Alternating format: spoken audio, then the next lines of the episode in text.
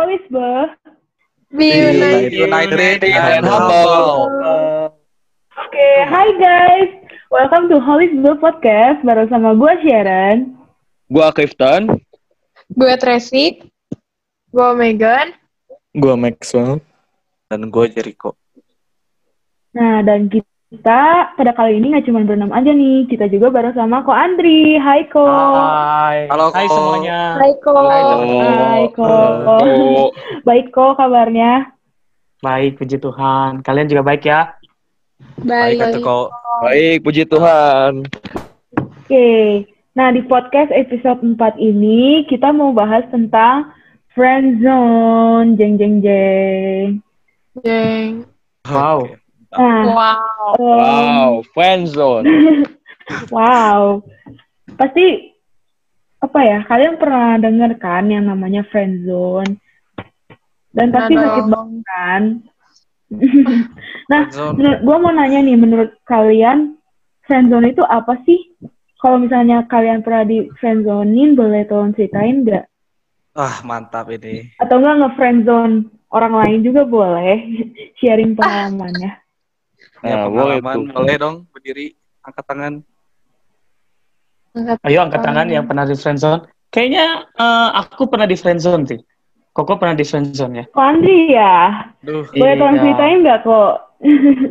Aduh, friendzone tuh apa ya? Suasana di mana eh, apa ya? Kalau digambarin seperti di goa yang dingin, kemudian tidak menyenangkan, pengennya Aduh. keluar dari sana, tapi nggak bisa keluar dari sana.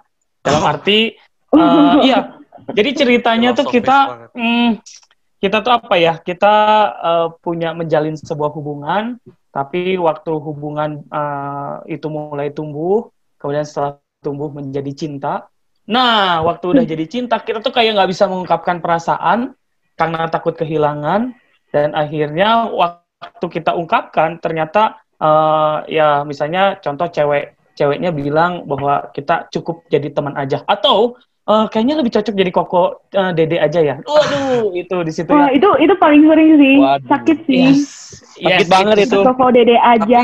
Hmm. mending, mending digituin gak sih daripada kayak apa secara mentah-mentah ditolak kayak gitu kayak nggak aku nggak suka sama kamu kamu mah kayak apaan sih gitu kalau setidaknya kalau friendzone itu memang mereka tetap jadi teman kan cuman ada orang kayak bilang mereka bilang friendzone tapi akhirnya tuh nggak jadi teman lagi. Gimana kok?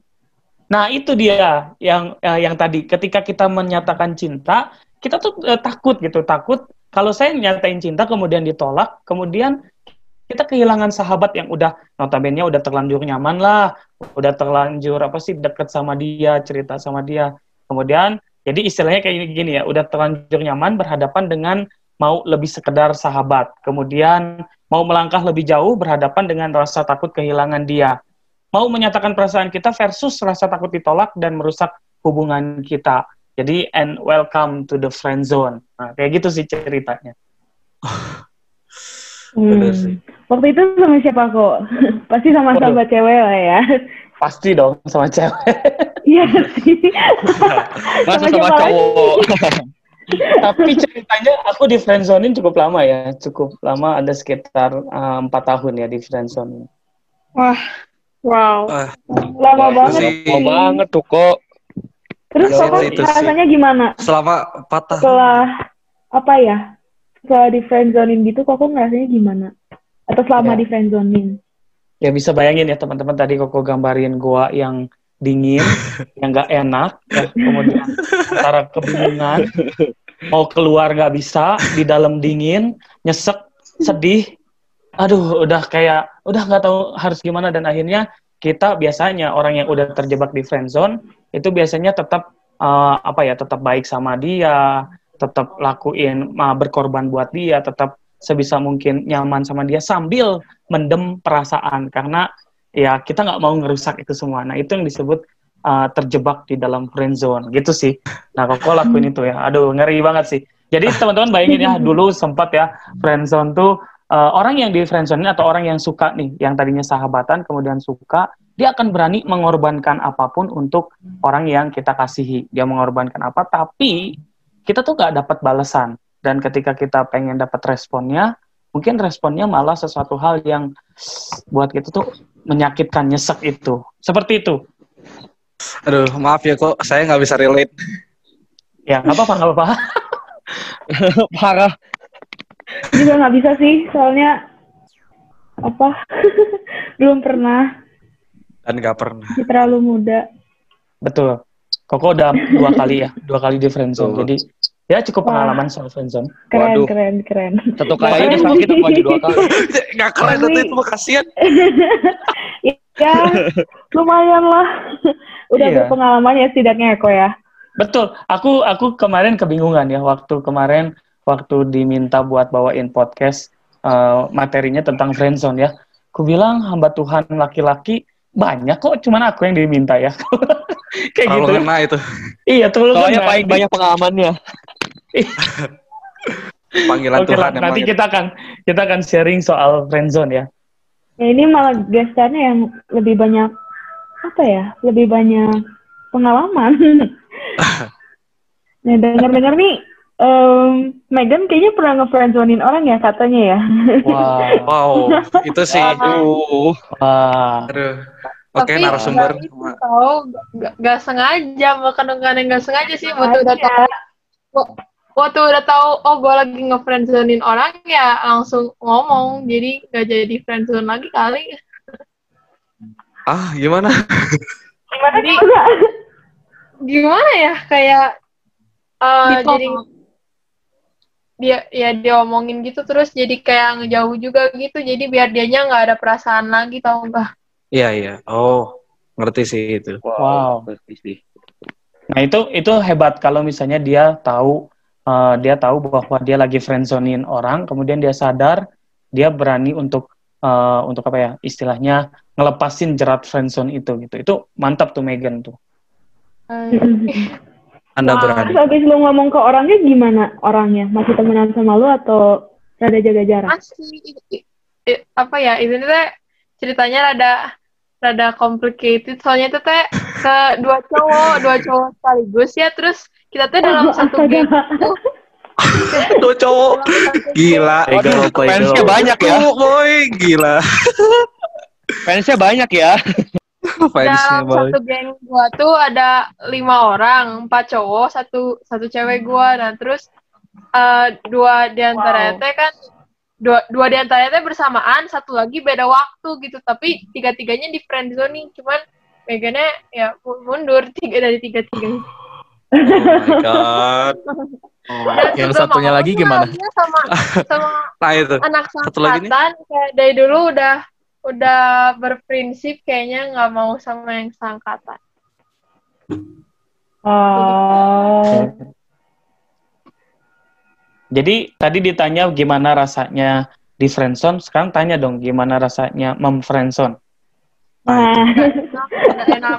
gimana. Meg? Jadi jadi kayak apa ya? Kayak serba salah gitu kayak kalau misalnya kitanya mau nanggepin kayak bising bising gimana tapi kalau nggak nanggepin juga itu teh sahabat gue gitu terus apalagi yang duaan yang bersamaan itu jadi kayak kadang tuh jadi suka rada berantem bukan berantem kayak cemburu-cemburuan gitu lah pokoknya gak jelas padahal tuh dalam satu geng gitu Nah, Oh. iya sih.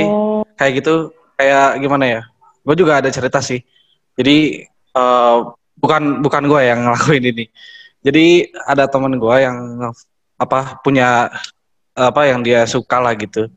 Dia itu eh, mau menyatakan perasaannya lah intinya. Cuman dia itu tahu si yang yang pasangannya itu nggak suka balik, tapi dia tetap coba. Nah, pas dia ngasih perasaannya itu menyatakan perasaannya ah si si ceweknya itu kan dia dia yang ngeliat kan dia ngasih tahu ke gue aduh mukanya tuh banget dia mau jawab gue nggak suka itu nggak enak sedangkan mau jawab suka kan bisa dia berbohong kepada dirinya sendiri dan kepada orangnya Heeh, gitu benar. aduh gak kebayang sih Iya. Situasi yang tadi ya, betul ya. Jadi ngebayangin kayak gua dingin, nggak bisa ke mana-mana, tau nggak? Mau keluar nggak bisa, di dalam juga nggak enak. Nah itu friendzone. Nah, kalau misalnya menurut kalian nih ya, apa sih tanda-tanda kalau misalnya eh kita udah terjebak dalam friend zone. Gue mau nanya ke Clifton dulu nih. Kayaknya Clifton juga udah pernah berpengalaman, cuma dari tadi diem aja ya. Waduh.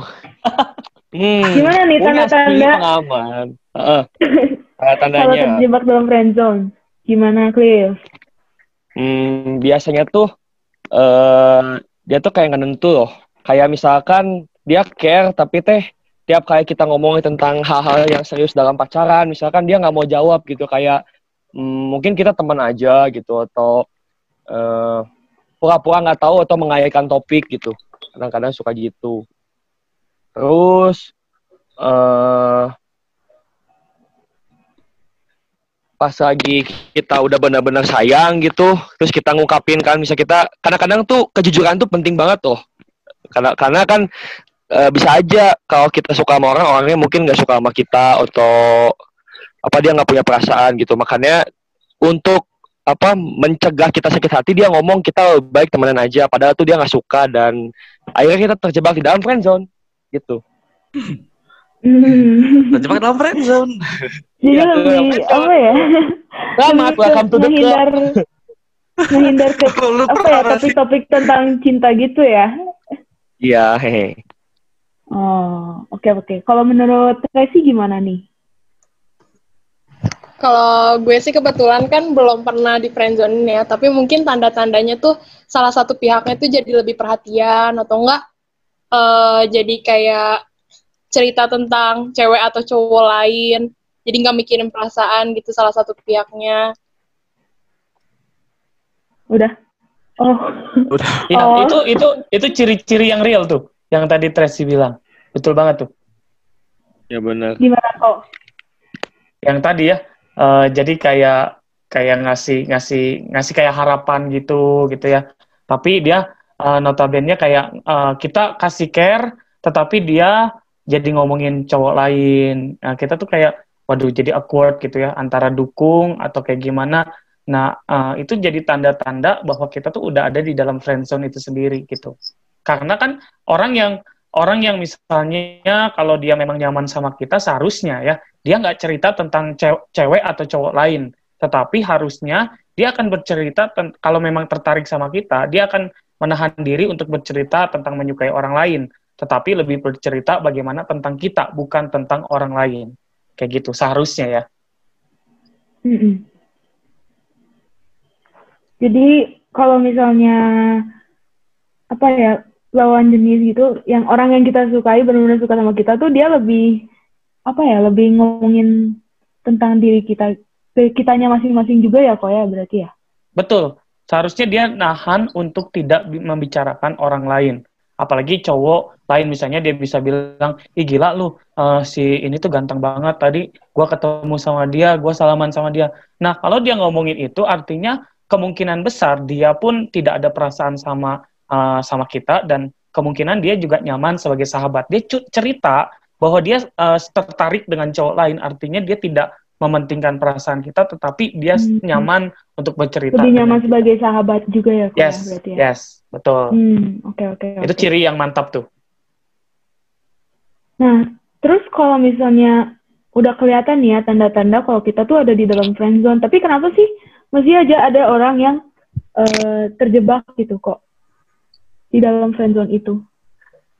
Karena itu tadi ya, Koko bilang, ini eh, apa ya, kalau Koko punya teori, mungkin kalau teorinya tuh prinsipnya cinta itu seperti investasi, teman-teman ya. Mungkin baru Oh. dengar ya. Jadi buat Koko Baru dengar cinta. Baru denger ya, sih. ini teori yang Koko ciptakan gitu. Dari pengalaman. Koko mikir bahwa cinta itu seperti investasi. Semakin kita membina sesuatu, semakin kita kasih caring sama seseorang, perasaan itu akan tumbuh. Akan tumbuh menjadi rasa peduli, rasa ingin memperhatikan dia, ingin no- nolong dia. Awalnya cuma sederhana, ya ke orang lain juga bisa, ke eh, apa ke sahabat lain juga bisa. Tetapi mulai terus tumbuh dan akhirnya mulailah yang disebut dengan cinta itu sendiri. Makanya kalau bilang cinta itu investasi, seperti investasi gitu. Nah, nggak tanpa disadari, ternyata ketika investasi itu udah terlalu penuh dan akhirnya ketika udah penuh itu harus diungkapin mau nggak mau, betul ya? Apalagi kalau misalnya dia dia memang melihat ceweknya cantik atau cowoknya ganteng, dia tipe gua banget, udah nyaman, wah itu tuh kayak nggak bisa nggak bisa nggak harus diungkapin karena investasinya udah penuh.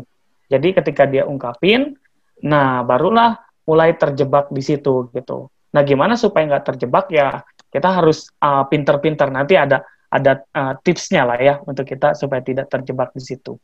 Kayak gitu Uh, dulu. aku aku boleh nambahin nggak?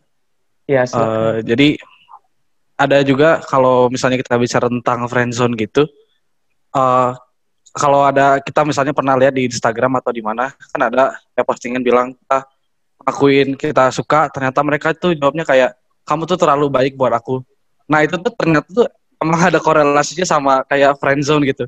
Soalnya jadi kayak gini, kalau misalnya kita terlalu baik buat yang cowok-cowok nih, kita terlalu baik ke cewek yang lain, jadi kayak kita uh, ngasih dia perhatian, ngasih dia apa hadiah di hari Valentine atau apa kayak gitu. Kebanyakan itu tuh kayak kita tuh terlalu terlalu kayak ngumpul dia. Kita terlalu kayak narik dia. Sedangkan kalau misalnya kita apa um, bikin dia jauh, kayak misalnya kita bercanda-canda sama dia gitu kayak lu mah jelek atau apa kayak gitu, itu tuh kita kayak nge-push dia. Kita kayak terlalu nge-push. Nah, makanya kita itu sebagai cowok tuh harus mengkombinasikan keduanya antara pull sama push. Jadi uh, ada waktunya kita kayak baik sama dia, ada juga waktunya kita kayak bercanda-bercanda sama dia. Nah itu tuh setidaknya yang dibaca lah dari internet sama konklusi yang aku dapat sendiri. Itu sih. Ya, setuju sih.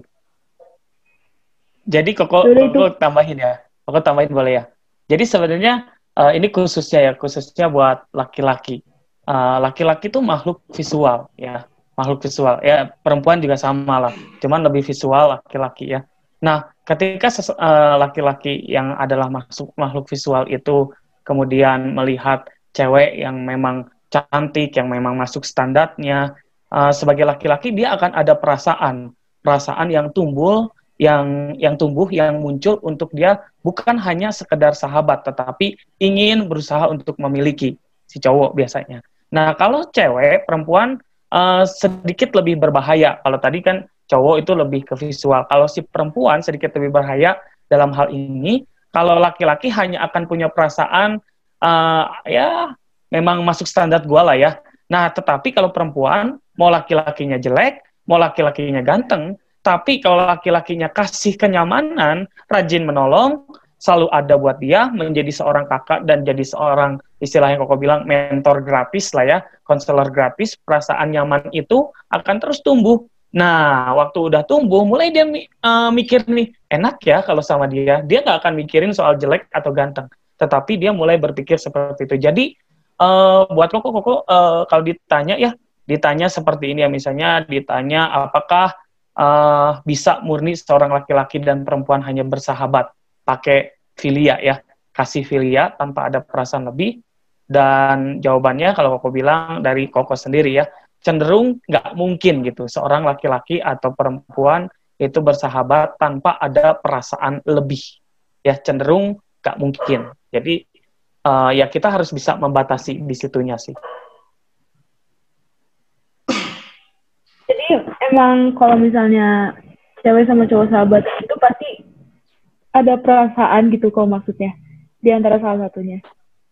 akan ya eh Sharon ya. Buat Koko sih bak- akan ada perasaan. Ti- tinggal nunggu waktu aja. Yang tadi Koko bilang kalau si si cowok itu memang ah, yang makhluk visual ini dia lihat dia memang standarnya ada cantiknya baiknya dia akan lama-lama akan tumbuh. Yang investasi cinta itu akan keluar nah kalau si cewek tadi Koko bilang cewek itu lebih mengutamakan bukan ke penampilan tapi nyaman ketika si cowok itu bisa ada buat dia, selalu menemani dia, selalu nolong dia dan nyaman, mulai ada pikiran walaupun walaupun nggak belum mikir mau pacaran ya, tapi mulai ada pikiran enak ya sama dia. Nah, apalagi waktu si cowoknya padahal belum jadian nih. Belum jadian si cowoknya deket sama cewek lain. Mulai si cewek ini mulai insecure, mulai merasa ih kok dia deketin deketin uh, cewek lain ya. Nah, padahal belum jadian, teman-teman. Nah, ini yang dibilang bahwa kita tuh sering kali kejebaknya di situ. Seperti itu, share. Hmm, oke oke. Jadi emang kejebaknya tuh gara-gara apa ya? Emang mereka sering bareng juga kali ya, kok jadi susah juga gitu. Mm-mm. Yes. coba tanya Megan. Megan juga mungkin uh, sama ya. Ketika udah terlalu nyaman, jadinya juga kan agak takut ya. Dan akhirnya ketika dia menyadari kenyamanan itu, dia mungkin memutuskan uh, atau membuat komitmen yang lebih atau kasih batas buat cowok itu. Betul ya, Gen ya? Iya kok. Hmm. Nah, sebelum kita ngebahas tentang friendzone lagi nih ya, gue mau nanya dulu nih ke kalian. Menurut kalian apa sih bedanya TTM, FWB, sama friendzone? Ini menurut kalian aja nih ya. Bentar, bagi teman-teman kita yang nggak tahu, KTM, FWB, yang gitu tuh apa sih artinya? TTM itu teman tapi mesra. Kalau FWB, friends with benefit. Jadi cuman temenan kalau ada maunya doang gitulah ya istilahnya. Nah kalau TTM itu uh, apa ya? Temen Sama-sama. tapi dua-duanya mesra banget gitu kayak pacaran, cuman te- temen nggak ada status sama sekali gitu. Kalau HT, teman sih. Kayaknya ya, kalau- macam HTS gitu kali ya sekarang Ya. kalau teman tapi mesra sih kayaknya eh, dapat dari dua-duanya saling suka kali ya. Biasanya. Iya. Kalau FWB satu pihak biasanya. Hmm, sebenarnya Wah. boleh nggak sih TTM-an? Kalau FWB udah Eh. jelas-jelas nggak boleh ya? Atau boleh juga? Enggak sih. Boleh kayaknya. TTM maksudnya. Kalau TTM boleh sih. Oke. kayak Boleh sih kayaknya. Pasti boleh. harus tanya ke Ko Andri. Gimana kok? Iya sih. Gimana kok? Boleh nggak? Oke.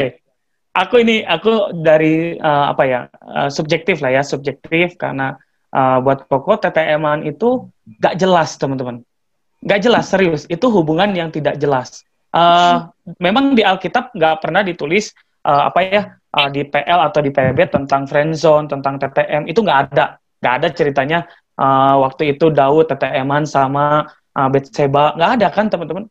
Jadi statusnya benar-benar ketika dibilang TTM artinya dia statusnya temen tapi mau lebih dari temen. Ngerti ya? Itu boleh nggak sih? Nggak jelas. Artinya itu yang disebut jebakan ya, jebakan friendzone. Jadi prinsipnya tuh harus jelas. Di dalam Roma pasal 12 ayat 9 ya teman-teman contohnya kita ambil aja. Kutip bilang bahwa kasih itu nggak boleh pura-pura. Dibilang kasih nggak boleh pura-pura. Kasih itu nggak boleh manfaatin. Nah langsung ke jawab ya yang FWB uh, apa friend with benefit. Itu boleh nggak? Nggak boleh. Kenapa? Karena kasih itu nggak boleh memanfaatkan. Kasih itu harus jujur. Kasih itu harus tegas kemudian firman Tuhan bilang lagi di dalam Matius ya ketika ya katakan ya ketika tidak katakan tidak. Alkitab tidak pernah mengajarkan kita untuk menggantungkan sesuatu atau seseorang ya. Jadi menggantungkan hubungan boleh nggak? Nggak boleh teman-teman. Jadi kalau ditanya dosa nggak uh, friendzonean Ya jawabannya dosa ketika kamu manfaatkan seseorang demi kepentingan dirimu sendiri. Jawabannya dosa ketika kamu memberikan pengha- pengharapan tetapi tidak uh, tetapi mempermainkan dia. Ya, yang istilahnya dalam uh, siapa yang nyanyi BTS tuh bilang fake love ya. Ini fake love nih, kasih yang pura-pura. Jadi buat Koko Hmm. TTM boleh nggak? Hmm, buat Koko sih aneh ya karena nggak jelas. Misalnya Koko tanya balik ke kalian ya, ini kan anak-anak muda ya. Kalian mau nggak sih di TTM-in?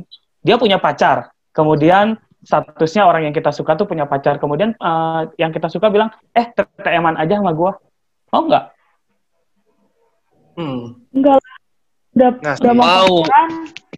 Cuman kalau kalau menurut TTM. saya sih TTM itu lebih kayak sta- apa status yang nggak didapat kali. Bukan kayak ya ayo kita TTM gitu. Bukan kayak dikatakan lebih ke kayak feeling yang didapat dari apa teman antar teman gitu.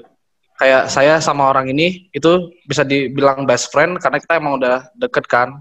Tapi kalau kayak teman tapi mesra itu kayak gimana ya beda sih. Iya, Kalau menurut beda saya. sih. Atau enggak misalnya kayak misalnya lagi dalam suatu hubungan tapi saling komitmen tapi tanpa status gitu.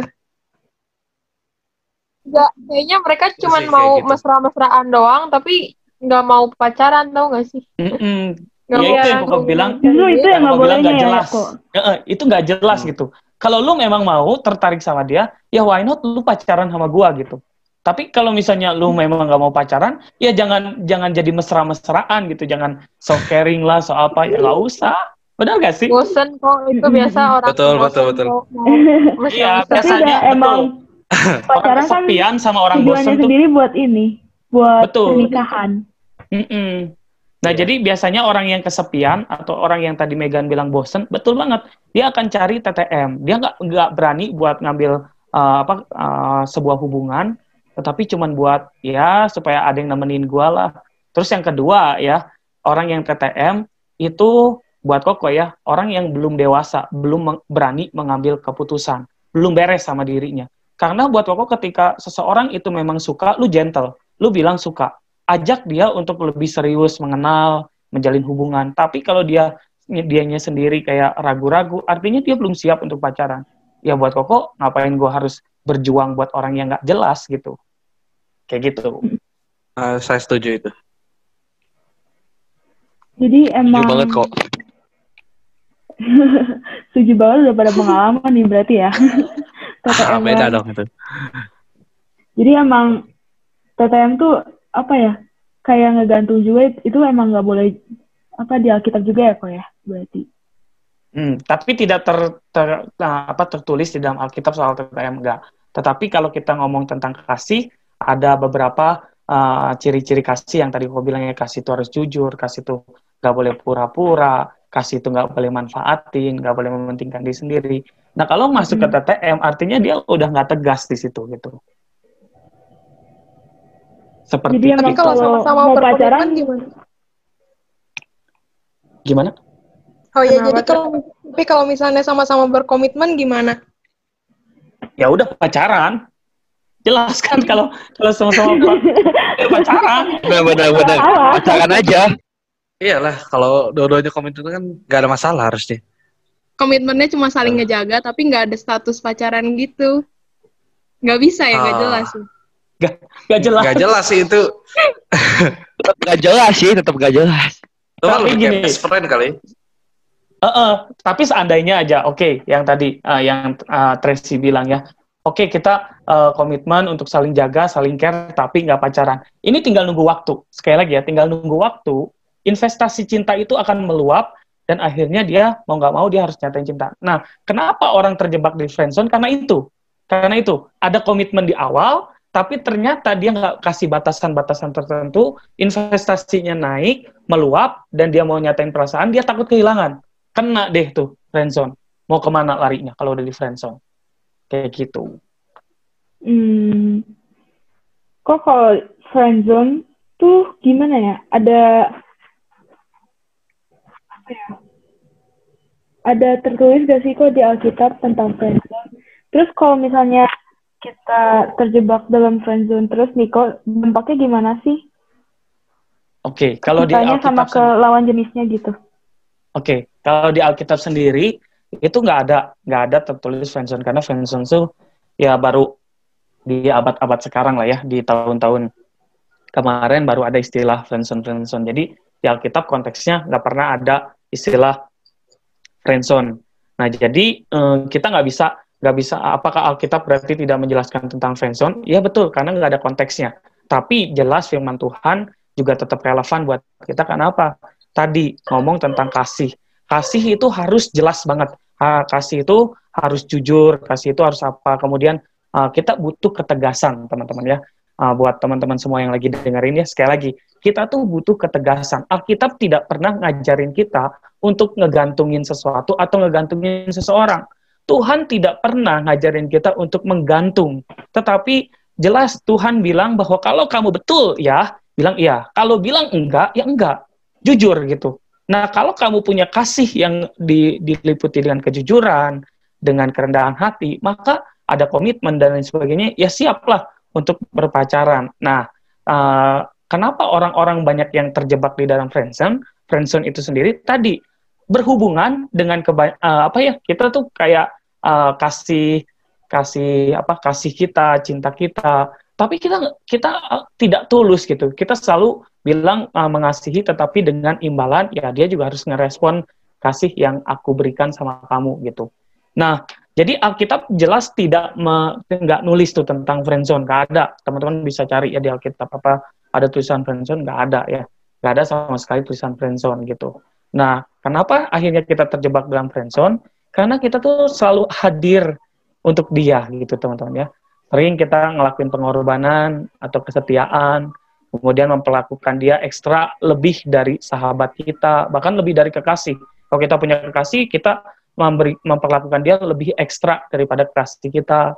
Kemudian surat, suka jadi konselor untuk setiap masalah. Kita kan pengen cowok-cowok ya kelihatan uh, kalau ceweknya ada masalah kita kasih masukan, ada butuh bantuan kita bantuin. Kemudian nih, ini juga hati-hati ya, sering melakukan kontak fisik dengannya dalam bentuk apa pun itu biasanya membuat kita akhirnya tumbuh benih-benih cinta dan ya mau nggak mau nanti terjebak di friendzone itu sendiri itu sih teman-teman. Hmm. Terus hmm. kalau misalnya kita udah di friendzone ini, kok gimana sih cara kita keluar dari friendzone itu? Ya, gimana ya caranya? Teman-teman harus restart ya. Kok pakai istilah lain uh, komputer lagi ya. Istilahnya restart, teman-teman.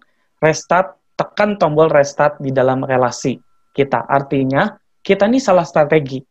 Kita lagi salah strategi ketika kita PDKT sama dia. Oke, kita PDKT sama dia, tetapi PDKT-nya jangan sampai kita terjebak di friendzone itu sendiri. Waktu kamu PDKT, tunjukin ketertarikanmu bukan sebagai sahabat, tetapi sebagai kekasih. Tadi ngomong tentang sesuatu hal yang jelas. Kalau kamu tertarik, tunjukin ketertarikanmu kepada uh, orang yang kita kasihi tunjukin itu jangan setengah-setengah uh, maju mundur ragu gini gini. Nah itu akan membuat kamu salah strategi. Nah kenapa kok bilang tekan tombol restart? Apa yang harus dilakukan? Ya kita mundur. Coba uh, apa namanya coba kita uh, tarik dulu atau ulur dulu. Uh, kita coba tinggalin dia. Yang tadinya dia mengharapkan kita apa? Yang tadinya kita baik sama dia kita coba untuk oke okay, jangan dulu di uh, jangan dulu di chat jangan dulu dikasih perhatian jangan dulu ditanya kan biasanya cowok-cowok nih kalau lagi uh, mau deketin cewek biasa uh, ngomongnya apa? Hai lagi apa? Udah makan belum? Selalu pertanyaan itu yang membosankan itu ya. Hai lagi apa? Udah makan belum? Lagi di mana? Lagi sama siapa? Itu itu tuh kamu tertarik atau kamu lagi kayak jadi wartawan? Itu kan beda ya. Nah itu artinya kamu salah strategi di situ. Nah kasih space untuk kita uh, coba lihat lagi kemudian upgrade dirimu teman-teman ya Nah, khususnya buat laki uh, buat perempuan ya. Sekali lagi, cowok-cowok itu adalah makhluk visual, teman-teman, yang lebih mementingkan visual ya. Jadi upgrade dirimu dalam arti mungkin kenapa si cowok ini ngefriendzone gua? Mungkin, teman-teman ya. Dia tidak tertarik karena sorry ya buat cewek-cewek, mungkin karena jelek, teman-teman. Jadi gimana caranya ya upgrade dirimu selama lagi pencet tombol restart itu, kamu upgrade. Mungkin belajar make up, mungkin yang tadinya agak gemuk diturunin dikit, diet, atau apa pun, lakukan itu ya. Uh, cowok-cowok juga ya, sama yang tadinya mungkin garing, nanya, hai, lagi ngapain, udah makan belum? Itu pertanyaan yang membosankan itu, coba upgrade diri. Apakah memang pertanyaan soal menjalin hubungan cuma sebatas, hai, lagi ngapain, udah makan belum? Nah, kan enggak, tapi kita cari. Kemudian selain upgrade diri, banyakin bergaul dengan banyak orang Semakin kalian bergaul dengan banyak orang, semakin kamu membuka mata gitu. Teman itu atau sahabat itu atau kekasih itu bukan dia aja gitu. Jadi jangan terjebak di situ, tapi coba buka pikiran. Ini hal yang Koko lakukan waktu uh, Koko kejebak di friendzone ya. Hal yang Koko lakukan adalah coba berrelasi, bergaul dengan banyak orang, dan kita mikir bahwa sahabat, oke okay, lu sahabat, yang uh, notabene gue suka sama lu sebagai uh, ma mau lebih dari sahabat. Tetapi kau coba lihat lagi sahabat bukan dia doang. Kau coba lihat orang lain, kau coba berteman dengan yang lain, dan sambil nambah ilmu, teman-teman ya, perbanyak pengalaman.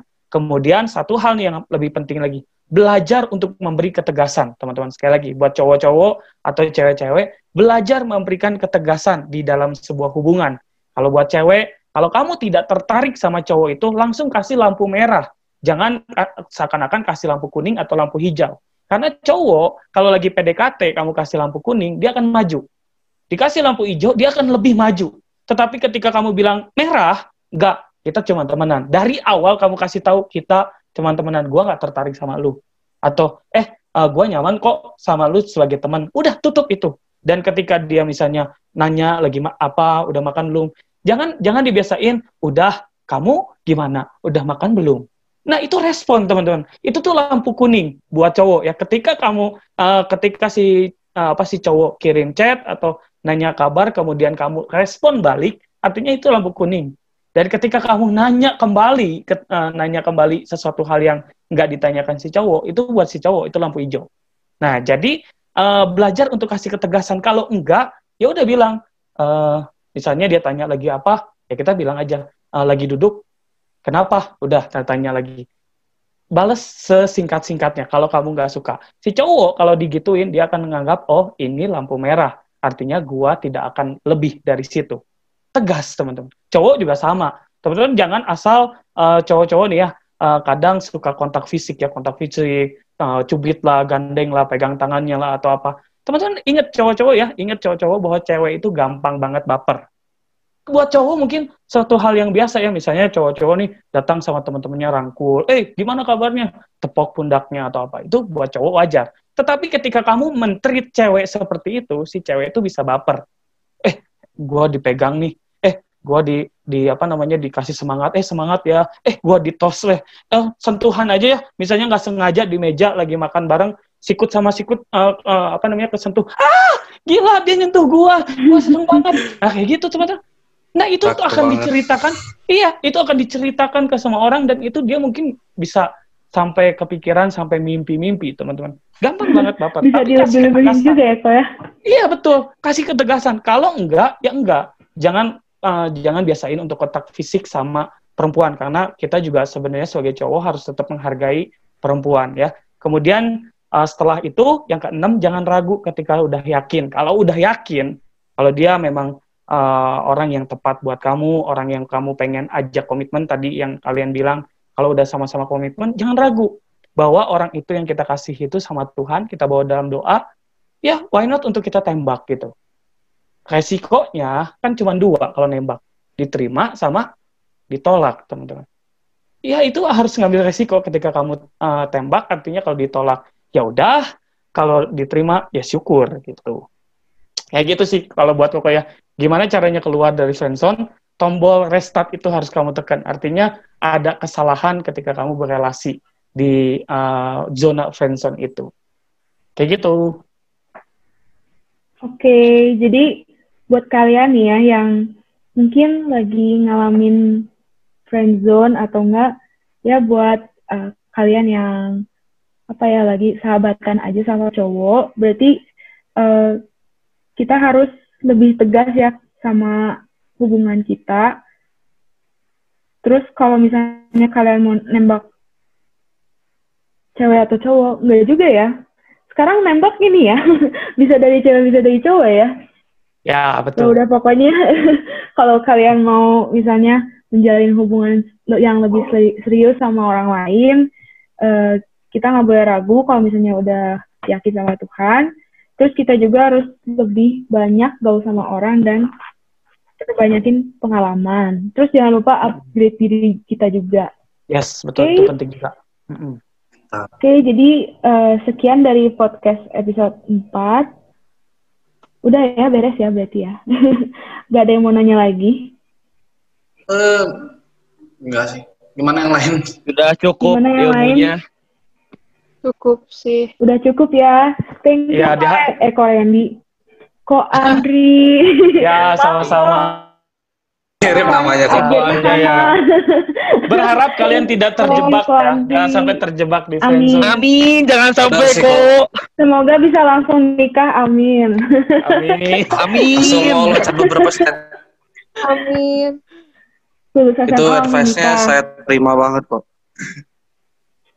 Ya thank you kok Andri buat ya thank you uh, semuanya. apa pelajarannya. Bukan pelajaran ya. Pengalaman. Buat pengalaman Sharing, dan sharingnya thank you juga buat semuanya yang udah dengerin podcast kita hari ini. Oh ya thank you juga buat teman-teman yang udah nemenin hari ini semoga bermanfaat bagi kalian semua ya see you on the next episode dadah dadah bye bye, bye. bye. bye. bye.